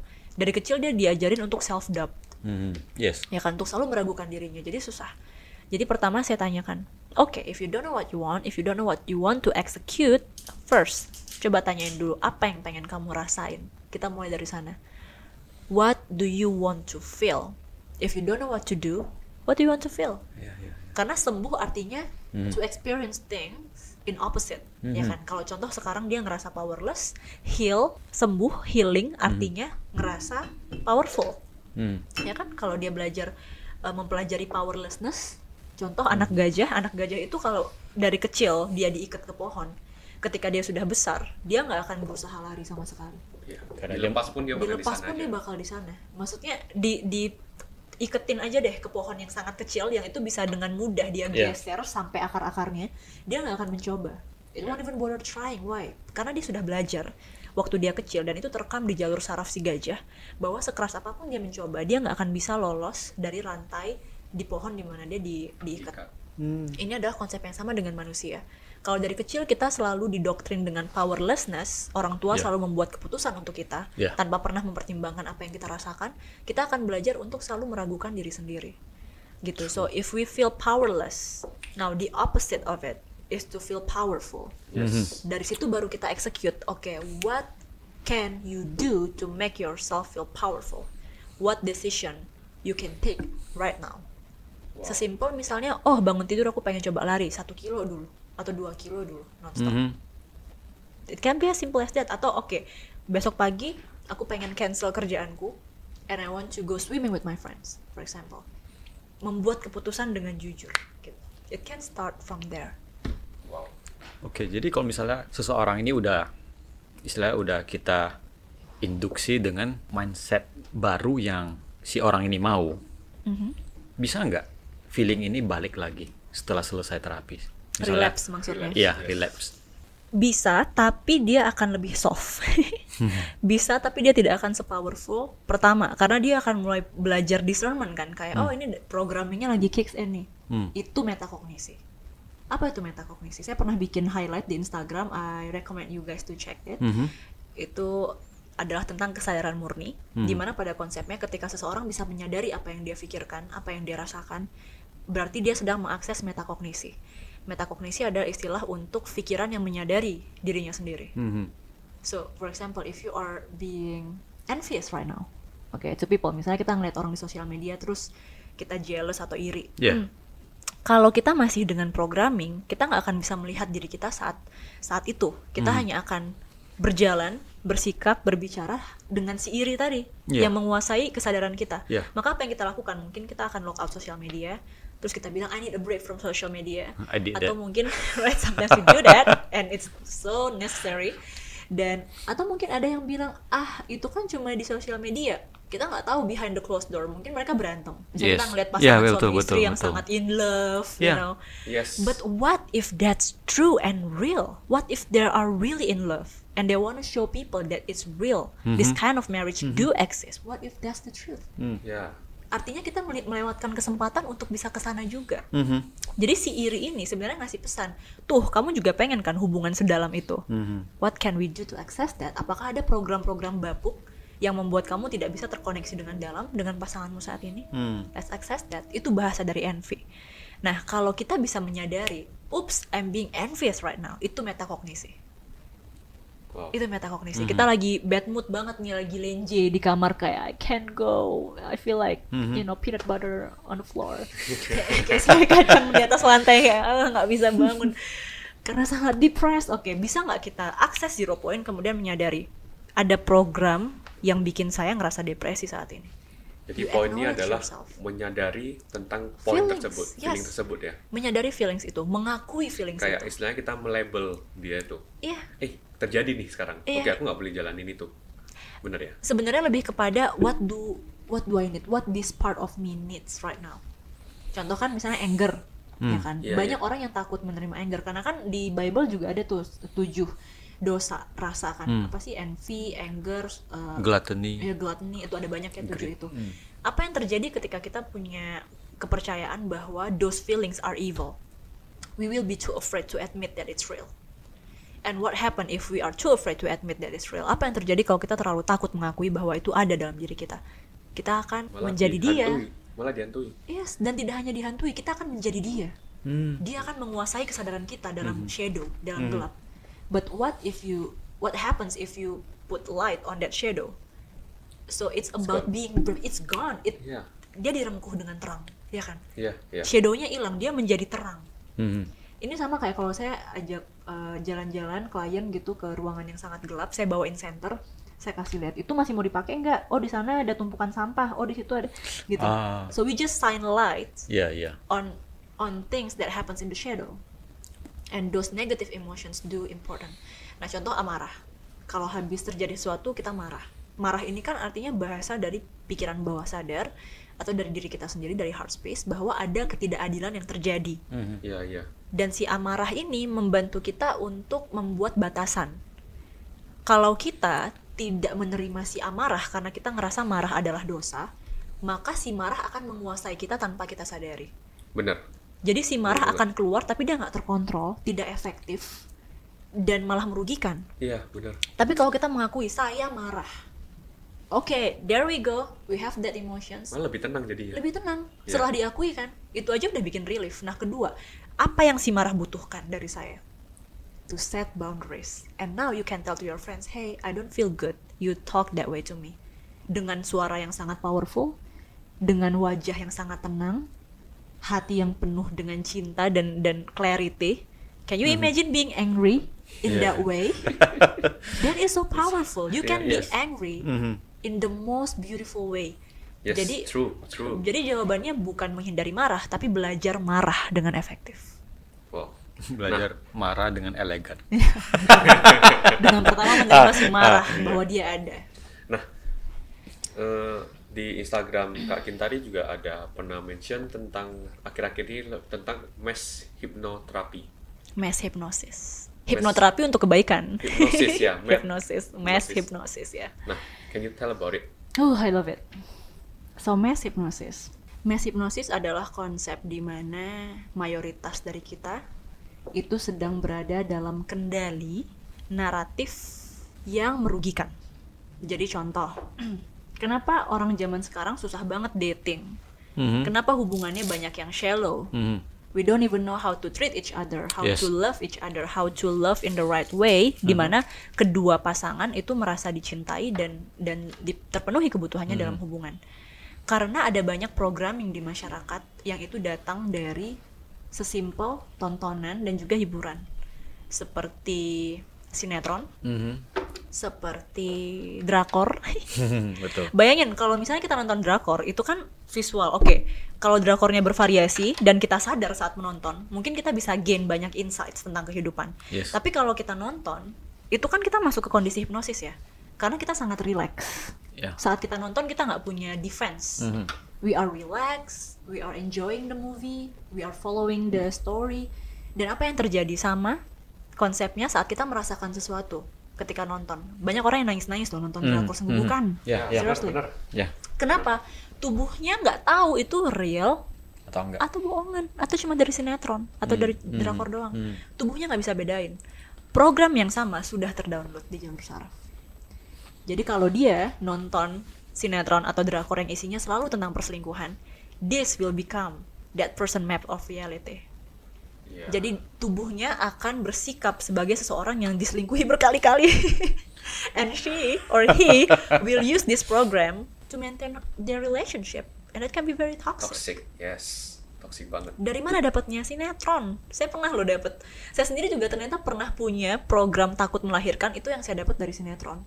Saya ingat umur 7 tahun saya nemenin uh, neni saya nonton sinetron dan ada adegan melahirkan menjerit-jerit terus terus yang melahirkan itu meninggal dan kemudian saya kayak oh my god I was crying. I was seven kalau nggak salah. Itu di uh, hipnoterapi saya ingat. Sekitar umur tujuh tahun saya nangis nangis dan pas mau melahirkan trauma itu ke trigger kan. Karena saya hamil. Yeah, yeah. saya akan melahirkan dan saya punya programming bahwa ketika kamu melahirkan kamu akan sangat kesakitan and you will die. Berarti that actually in your present now kalau mau dipikir umur tujuh tahun mungkin kita gak bisa ingat apa pun. Tapi yes. setelah di waktu di program hipnoterapi ini dapet. bisa tahu dapat waktu oh waktu umur tujuh tahun rupanya saya ada ada program, program dari sinetron Oke. Okay. gitu. Jadi what, musik mm, juga. Mm, mm, mm, mm. Nah ini mass hypnosis itu semuanya. Oke, okay, what musik, if, what if ya tadi, sorry ya. Okay. What if, tadi kan kita ngomongin yang lebih negatif. Misalnya kita mass hypnosis itu seperti nonton yeah. uh, drakor, nonton yeah. sinetron yang uh, arahnya agak negatif misalnya. Negatif ya. What if kalau kita nonton yang lebih positif? Tetap harus pakai discernment dan hmm. juga kesadaran. Hmm. Gak asik banget lu nonton sadar-sadar gitu, tapi itu penting. Karena gini, saya kemarin nonton film zombie. Hmm dan saya ngelihat banyak sekali programming di sana. Thank God I'm a hypnotherapist, so I know what to seek when I, you know, watch a movie. Jadi ketika nonton film itu saya selalu melihat pesan apa yang mereka sampaikan. Kira-kira yeah. kalau saya bisa terhubung dengan si produsennya nih ya, you know, mm. apa sih yang dia berusaha untuk tanamkan kepada penontonnya? Yeah. Apa itu? Dia pengen kita percaya apa? Pesannya dia pengen apa ya? pesannya apa? Dia pengen kita melihat apa? what is it that they want us to believe hmm. apa yang pengen ditanamin sama kayak musik oke okay? musik itu uh, kalau kita suka sama nadanya dengan beatnya and we are enjoying that music kita harus sadar juga liriknya apa yeah. karena kalau kita menikmati beatnya kita akan hanyut di beat dan itu udah hipnosis kita hanyut di beat yang masuk liriknya Nah kalau liriknya adalah kalau perempuan contoh I don't need a man, you know, I, I can yeah. do everything by myself, I want it, I get it. Itu tuh akan menjadi mendoktrin, ya? mendoktrin si perempuan untuk menjadi ultra independen dan menjadi sangat maskulin. Is it wrong? Not really. Tapi apakah itu berfungsi untuk kehidupan percintaannya? I'm sure not. Ya kan? Pasti dia juga akan melihat bahwa uh, hubungan laki-laki dan perempuan itu sebagai sesuatu yang menghambat gitu. Karena program dari musik. Hal yang sama juga untuk seks. Uh, materialisme yang berlebihan. Hmm. ya kan selalu ngomongin uang uang uang hmm. bling keceng you know everything yeah, that yeah. revolves around money but not in the highest frequency. Vibrationnya tuh low gitu kayak berusaha membuktikan sesuatu validasi showing people I can do this right? Itu rata-rata yang muncul di mainstream music and and movies. So we have to have discernment. Karena kalau kalau kita nggak mau menerima kenyataan ini kita akan sulit gitu kayak kenapa hidup saya sulit kenapa ada banyak mental block hmm. nggak hmm. cuma dari masa kecil ternyata buku yang kita tonton berita yang kita baca kemudian wow. uh, eh buku yang kita baca berita yang kita tonton kebalik ya musik yang kita dengar film yang kita lihat itu semua akan itu adalah bentuk hipnosis masuk ke pikiran kita menjadi program tapi kan uh, pikiran kita itu kan lebih gampang tercemar dengan hal-hal yang negatif. Mm -hmm. Contohnya misalnya kalau orang misalnya contoh orang yang udah udah hobi banget nonton sinetron, drakor yang notabene agak negatif. Yeah. Misalnya soal perselingkuhan, keluarga yang broken family broken, gitu. Yes.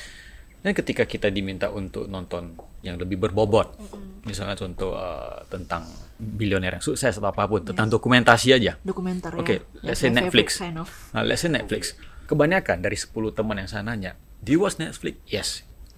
Do you watch this uh, docu series atau apa? No. Banyak kan yang nonton yang sisi di mana film, mm -mm. serial, mm -mm. drakor, drakor gitu yeah, loh. Yeah. Jadi saya rasa memang media itu ya orang pun lebih reseptif terhadap sesuatu yang negatif. entertaining, tapi mereka gak tahu itu negatif sebenarnya. Mm. Malah yang yang positif itu terlalu berbobot masalah, terlalu yes. berat isinya kadang-kadang. Dan itu bisa jadi escape Hmm. Iya, iya, betul, like betul. their reality, yeah. so they tap into another person's reality all the yes. time through movie. No, so that's the key. Mm-hmm. Jadi mereka karena pengen escape dari realitasnya, mereka suka nonton film karena itu bikin mereka merasakan sesuatu yang baru dengan kehidupan. Hmm. Walaupun bayarannya adalah programming. Walaupun mereka hmm. harus membayar itu dengan yeah. belief sistemnya mereka yang yang akan diobrak-abrik diacak-acak kalau mereka nggak sadar. Hmm. Yeah, yeah. Jadi ini problem, ini mass problem hmm. gitu. Dan dan saya pengen membangunkan sebanyak mungkin orang at least okay you don't have to stop watching movie altogether like me but you can when you watch movie pick it oke okay. pick it sadari ceritanya tentang apa kemudian saat kamu nonton kalau ada programming sadari karena kadang di film juga ada subliminal message yes untuk uh, obeying the system that's not serving yeah. us yeah. untuk yes. uh, membenci satu sama lain mungkin untuk selalu curiga to make our nervous system as nervous as possible yeah. because that's how the mainstream media gain the popularity ya yeah. kan kita kan manusia ini hardwired dengan yeah. Yeah. survival instinct. Yeah. jadi kalau ngelihat berita negatif clickbait langsung yeah. langsung klik. That, that's how the viral coming in. Yes. Jadi the more controversy a news a movie the Makin more popularity it yes exactly. Karena dan, on... dan jadi kita yang nonton pun ada perasaan FOMO. Uh -huh, ya, ya, ya, ya, jadi orang ini oh gue udah nonton ini nih lu belum nonton eh belum nih yes gua nonton eh terakhirnya actually the message is not that good yeah. tapi karena teman-teman udah nonton uh -uh. peer oh, yeah. peer pressure yeah, peer udah pressure, nonton yeah. udah gue nonton ya gue iyakan juga ini bagus gitu loh uh -uh. oh jadi sacrifice God, yeah. that time and Energy, mind yeah. for that program exactly dan itu bisa bikin adiksi yeah. karena manusia bisa kecanduan sama kortisolnya sendiri That's crazy guys. Yeah, yeah, yeah. Ini kenapa ini kenapa ada orang yang selalu mencari masalah dalam hidupnya. Mm-hmm. Kan ada ya yang kayak ya, hidupnya tuh seperti episode kesedihan yang tidak sudah-sudah gitu. Tidak berujung. Tidak berujung, sedih mulu, mm-hmm. marah mulu, negatif mulu. Kenapa? Karena dia sudah kecanduan dengan kortisol sehingga hi- dia nggak bisa ngelihat hidupnya tenang dikit, dia akan mencari badai. Iya, benar. Nggak perlu badai itu datang ke dia, dia jemput badainya because he or she needs that cortisol to make their life pumped up yeah. supaya mereka merasakan sesuatu. Karena kalau enggak terlalu kosong. Tanpa disadari. Tanpa disadari. Benar. Tubuhnya get used to that cortisol. Oke. Okay. Nah, boleh nggak kakak cerita mm-hmm. mungkin satu atau dua cerita tentang klien yang benar-benar buat kakak itu wow ini ini yang aku selama ini jalan ini aku yang ini yang aku mau gitu. Yes. Kayak yang berkesan lah kira-kira apa? Saya pernah nanganin kasus perceraian di mana si istrinya ini ngalamin abuse dipukulin dimaki jadi semuanya abuse udah udah hatam lah sama dia ya. binatang aja ya maksudnya pernikahannya tuh nightmare banget gitu dan itu udah lama ya kan? Okay. dia nggak bisa keluar dari pernikahannya karena kalau kita di abuse itu kita akan punya mentalitas di mana kita melihat kita akan seperti tanpa sadar nge-worship orang yang abuse kita. And hmm. we live under their mercy because they give us emotions di mana mereka bisa bikin kita ngerasa sangat negatif dan kemudian ketika mereka kasih breadcrumbs ya kan remah-remah kue aja kita bisa happy banget. Iya, iya. Itu yeah. otak manusia tuh hati-hati bisa di bisa diprogram seperti itu dengan mm -hmm. abuser. Nah, si klien saya ngalamin itu dia punya anak dua dan anak satunya ini yang yang cowok deket banget sama si ayahnya yang abuse ibunya itu dan kemudian dia bilang Mbak Kintari saya pengen keluar dari pernikahan ini but I don't know how because every time I say I want to leave mulut saya kayaknya keluh dan dia selalu punya cara untuk untuk selalu uh, bikin saya stay. Dan dia selalu selingkuh gitu. Jadi kayak semua jenis abuse loh. Mulai dari emosional, verbal, physical wow. semuanya dia dapat. Terus di situ kita uh, itu itu salah satu terapi yang paling transcendental buat saya karena saya merasa tidak melakukan apa pun. Saya cuma nganter dia sampai ke trans dan dia langsung lihat suaminya dia marah banget. Dua jam nonstop dia nangis dan ngomel-ngomel sama suaminya in maki-maki marah-marah. Not yeah. in her mind langsung out loud. Jadi kayak dia abrection ya jadi abrection itu adalah proses katarsis pembersihan batin. Jadi sampah-sampah semua dikeluarin. Yang selama ini ketahan dalam pernikahannya keluar di satu sesi. Saya sampai nggak punya waktu untuk nutup dengan proper karena uh, udah terlalu lama gitu. Udah mundur banget sampai dua setengah jam kalau nggak salah. Dan itu full hanya untuk nangis dan marah-marah. Ya itu maksudnya suaminya nggak ikut kan? Suaminya nggak ikut. Dia Memang cuma, dia cuma dia, ceploskan supaya yes, dia tuh lebih lega. Lebih lega. Dan itu bahkan online I'm not kidding you itu online dan itu internetnya lagi jelek. Jadi ada satu waktu kayak keputus tapi dia nggak tahu karena dia sangat deep into that wounds dan dia katarsis terus keluar keluar terus. Pas saya back online balik ke space itu lagi dia masih melakukan hal yang sama. Dan dia oh, bahkan nggak yeah. notice saya sempet sempet keputus sempat disconnected. Jadi wow. nah setelah selesai so dia langsung diem. Kayak matanya udah bengkak banget dan dia udah dua jam nangis nonstop terus dia kayak udah nggak tahu lagi yang harus dia bilang saya tanya how do you feel right now? Capek kak Kintari katanya. Karena dia udah nangis terus kan. Yeah, yeah. terus saya suruh dia akses super conscious mind dia kebijaksanaan dalam dirinya. Tanyakan if you can vision the best version of your life how does it look like? How do you look like? Gimana cara kamu dandan? Gimana cara kamu berpakaian? How do you speak to yourself? How do you speak to people? How do you treat yourself? Gimana kamu memperlakukan diri kamu sendiri apa yang kamu makan. Let's be as detail as we can here. Karena ada satu penelitian visual imagery ketika uh, atlet pemanah itu dibagi hmm. dua kelompok, satu pemanah disuruh latihan seperti biasa uh, prior to the competition sebelum tanding, satu kelompok lagi disuruh melakukan visual imagery. So what is visual imagery? Si peserta uh, pemanah itu disuruh mengimajinasikan sebelum mereka tidur selama seminggu kalau nggak salah atau 14 hari berturut-turut mengimajinasikan mereka sedang melakukan uh, panahan itu tepat di bullseye maksudnya tepat di tengah. Hanya visual. Hanya secara visual ya. Wow. dan tapi mereka harus detail. Mereka harus dengan seluruh keberadaan mereka imajinasikan seolah-olah mereka sedang di posisi mereka menang. Jadi mereka gimana tarikan tangannya? Gimana hembusan nafasnya saat mereka melepas anak panah? Gimana cara busur itu mereka pegang?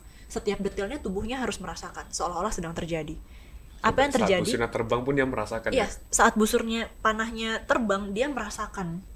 Wow, wow. Sikap tubuhnya seperti apa pada saat itu dia melepas nafasnya seperti apa dan akhirnya pas di tengah. Wow. Semua uh, uh, atlet disuruh melakukan itu dan nilai mereka signifikan banget bedanya dengan yang tidak melakukan visual imagery. So what does it mean? Tubuh kita mengingat, mendownload, merekam dan kemudian tanpa harus kita benar-benar melakukan itu kita sudah latihan. Wow. Dan itu latihan yang lebih powerful dibandingkan dengan kita hanya menggunakan tubuh kita.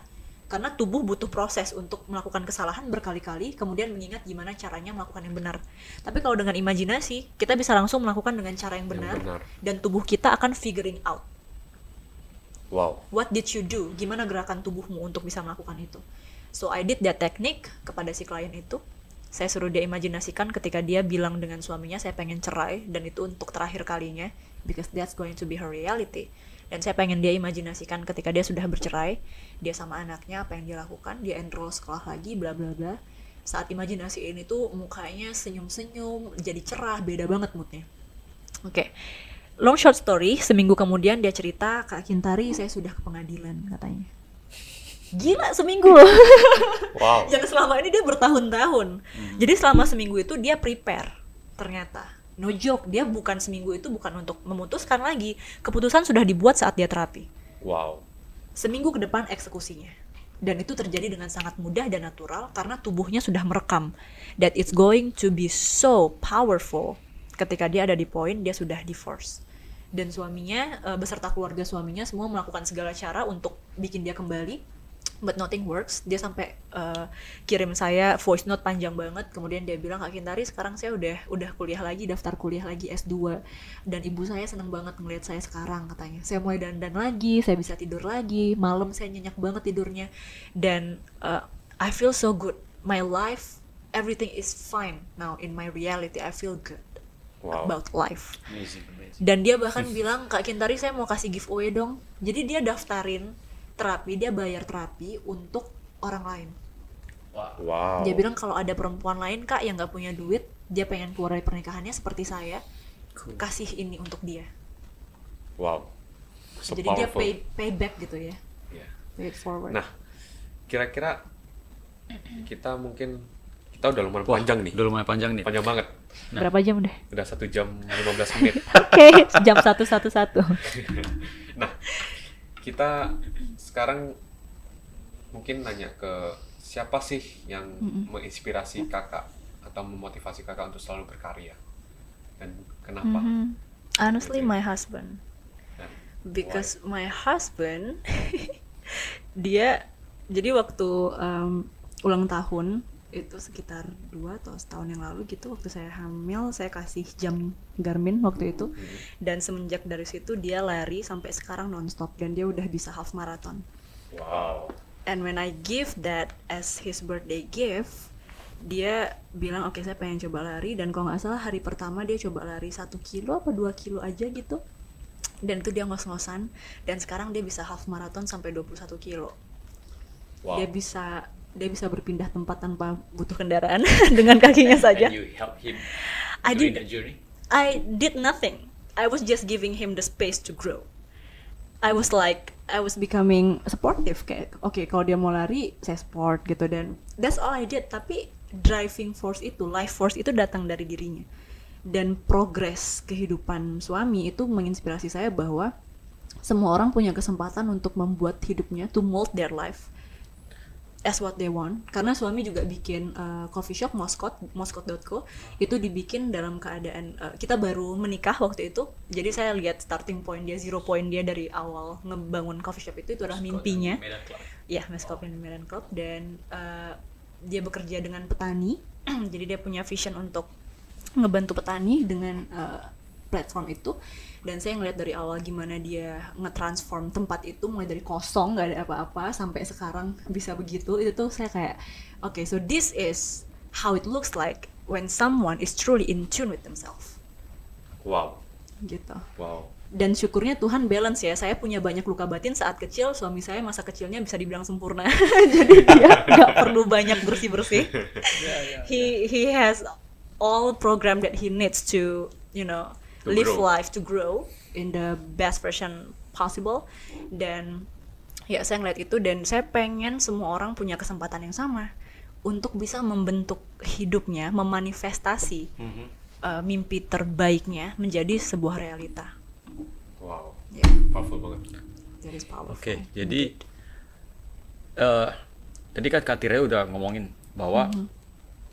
Orang itu perlu intention mm-hmm. untuk menjadi the best version of themselves gitu ya yes. kan kasih tips dong kira-kira gimana caranya let's say a person like me and Kelvin gitu gimana cara bisa self hypnosis mm-hmm. to have a good day gitu loh to have a good day yes yang paling simple gitu how to start the day so we can have the best version ourselves since morning we wake up ya yeah. since we wake up jadi sebelum tidur dan saat mau tidur itu hmm. adalah gelombang otak natural kita masuk ke hipnosis hmm. theta karena kita sudah tidak banyak berpikir, kita udah relax, badan kita udah mempersiapkan diri untuk tidur. Dan sebelum tidur kita bisa bilang ke diri saya, saya berniat untuk tidur dengan tenang hmm. dan besok pagi bangun dengan clarity. Hmm, as simple clarity, as ya? setting that intention. Saya ingin bangun okay. dengan clarity, saya ingin bangun, saya mengizinkan diri saya untuk merasa damai, bahagia, terinspirasi ketika yeah. bangun tidur besok pagi. Yeah. And then you go to sleep. And then when you wake up, jangan lihat handphone karena di uh, 30 menit, 15 menit sampai 30 menit pertama saat kita bangun tidur itu otak kita masih dalam kondisi hipnosis. Utamanya ketika kita bangun dalam keadaan tenang, kita sendiri di kamar, itu otak kita eh, nggak uh, pakai filter tuh. Kalau ada sesuatu yang kita serap pada saat itu langsung masuk ke pikiran bawah sadar. Mm -hmm. Jadi kalau kita langsung ngecek handphone, ingat tubuh kita punya muscle memory, kita akan ngambil handphone kita langsung scroll Instagram, atau yeah. langsung langsung baca berita mungkin ada orang yang kebiasaannya bangun yeah. tidur baca berita yeah, yeah. bayangin kalau berita itu tentang chaos misalnya ya chaos itulah yang akan menjadi narasi dia sepanjang hari menjalani kehidupan hmm. it prime his brain to see chaos in everything So, uh, maksudnya Kak Tari itu what mm -hmm. we do in the first 30 minutes of our day, yeah, to set can, that intention, can define our whole day. Yes, Exactly. Okay. Jadi ketika dia set intention, pagi ini saya bangun untuk menjalani hari dengan clarity, dengan rasa damai, cinta. Kemudian handphonenya jangan dicek dulu, mungkin dia bisa uh, keluar berjemur, sambil mm -hmm. berjemur bisa breathwork, karena breathwork latihan pernafasan itu bisa membantu seseorang untuk masuk ke kondisi homeostasis. Mm -hmm. Jadi tubuhnya mendapatkan sinyal bahwa you are safe right now. Yeah. You can think a lot of uh, you know stuff in the the biggest possibilities. Wow jadi kayak oh. otak kita tuh nggak punya hambatan untuk berpikir lancar banget inspirasi muncul kita kreatif hmm. di pagi hari matahari itu penting karena matahari bisa mencairkan pineal gland juga. Jadi pineal gland adalah uh, kelenjar di otak kita yang bisa membantu kita untuk melihat segala sesuatu dengan dengan lebih clear, lebih clear. dengan lebih jelas. Jadi contoh kalau kita lagi baca berita kemudian kita tahu itu bohong kita akan tahu. Oh. Kalau kita melihat berita kemudian di sana ada programming kita menyadari. Dan kita nggak akan uh, termanipulasi. Matahari, matahari. Kira -kira. tergantung kebutuhan sih kayak 15 menit bisa. Ada yang uh, suka setengah jam misalnya pengen pengen sambil bener-bener sunbath gitu itu juga bagus. Kemudian matahari pagi ya itu bagus banget memang. Dan uh, itu bisa ngebantu orang-orang yang depresi juga. Karena kan vitamin D itu yeah. bagus. Dia sebagai pro hormones. Dia mengaktifasi hormon-hormon penting untuk bikin kita ngerasa damai dan bahagia. Hmm, so yeah, sunlight in the morning and then uh, open your book kemudian niatkan untuk membaca sesuatu yang penting di buku itu buka bukunya serap aja informasi apa yang kamu butuhkan. Karena mm -hmm. subconscious mind kita ini sama seperti tarot. Kalau kita uh, ngambil sesuatu dengan random itu subconscious mind kita yang milih. Mm -hmm. Itu kita buka buku kita baca bagian mana yang kita butuhkan. Ada yang melakukannya dengan Quran atau Bible. Dibaca mana yang kamu rasa resonates with your truth right now. And then you know go on with your day kalau bisa sarapan yang ringan hidrasi dan nutrisi mm-hmm. minum air putih yang banyak makan buah-buahan karena buah dan sayur mengandung banyak life energy right electrolytes-nya tinggi itu bisa bikin kita lebih energetik pikiran kita lebih jernih gitu. interesting itu makanya Kel, kalau pagi-pagi tuh jangan pegang handphone dulu. Yes. handphone ini like, bagusin matiin sampai selesai 30 menit baru pegang handphonenya. Iya, yeah, morning routine. Itu, Jadi begitu routine. udah selesai morning routine, kan mental clarity kita udah kuat nih. Iya, yeah, iya. Yeah. Ya kan, udah olahraga, mungkin kita udah movement, udah nyerap matahari, yeah, udah yeah. clear, udah set intention. Nah, sekarang begitu buka buka Instagram atau mungkin email, kita bisa ngelihat mana yang penting, mana yang enggak. Yeah. Gitu. Nice. Dan itu penting banget. Yeah, and how does it work for you? Yeah, it's all, it's alright because the itu karena ada satu buku yang gak mm -hmm. aku baca, tapi aku udah ngerti konsepnya. Mm -hmm. It was like 5 a.m. club gitu. Oh, like, yeah, 5 a.m. club said. Dan aku wake up, mm. gak pegang handphone langsung lari balik baru ngecek. Awesome. Ya, yeah. nah kayaknya udah di penghujung acara nih. Mm. Panjang banget, udah sejam. Daging daging banget semua sih. Jadi bagi teman-teman yang uh, agak tahu tentang hipnoterapi dengan hipnosis dan dengan mass hypnosis, tadi Kak Kintari udah jelasin sedetail-detailnya. Yeah. Mm. Jadi untuk teman-teman yang pengen tahu lebih banyak lagi yeah. tentang self hypnosis ini dan hipnoterapis bisa kunjungi Instagramnya uh, Kak Kintari ya. Mm -hmm. Nah nanti kita bahkan taruh di uh, apa description, description tentang apa uh, Instagramnya. Instagramnya dan mungkin Kak Kintari boleh mention juga mm -hmm. apa sih Instagram punya akunnya? Uh, bisa cek ke Kintari Dita Q I N T A R I D I T H A. Oke. Okay. Mm. Oke, okay, guys. Itu saja untuk hari ini. Thank you ya Kak Kintari atas Thank waktunya. You, yeah. I really love your content and everything. Thank you wow. so much. It's an honor awesome. to be here. Ya. Yeah. Yeah. Oke. Okay. Itu aja. Akan ditutup. Uh, saya Wilson. Saya Kelvin. See you next time secondary. Kelewatan. See you next time. See you next time at langkah pertama. Bye. Bye.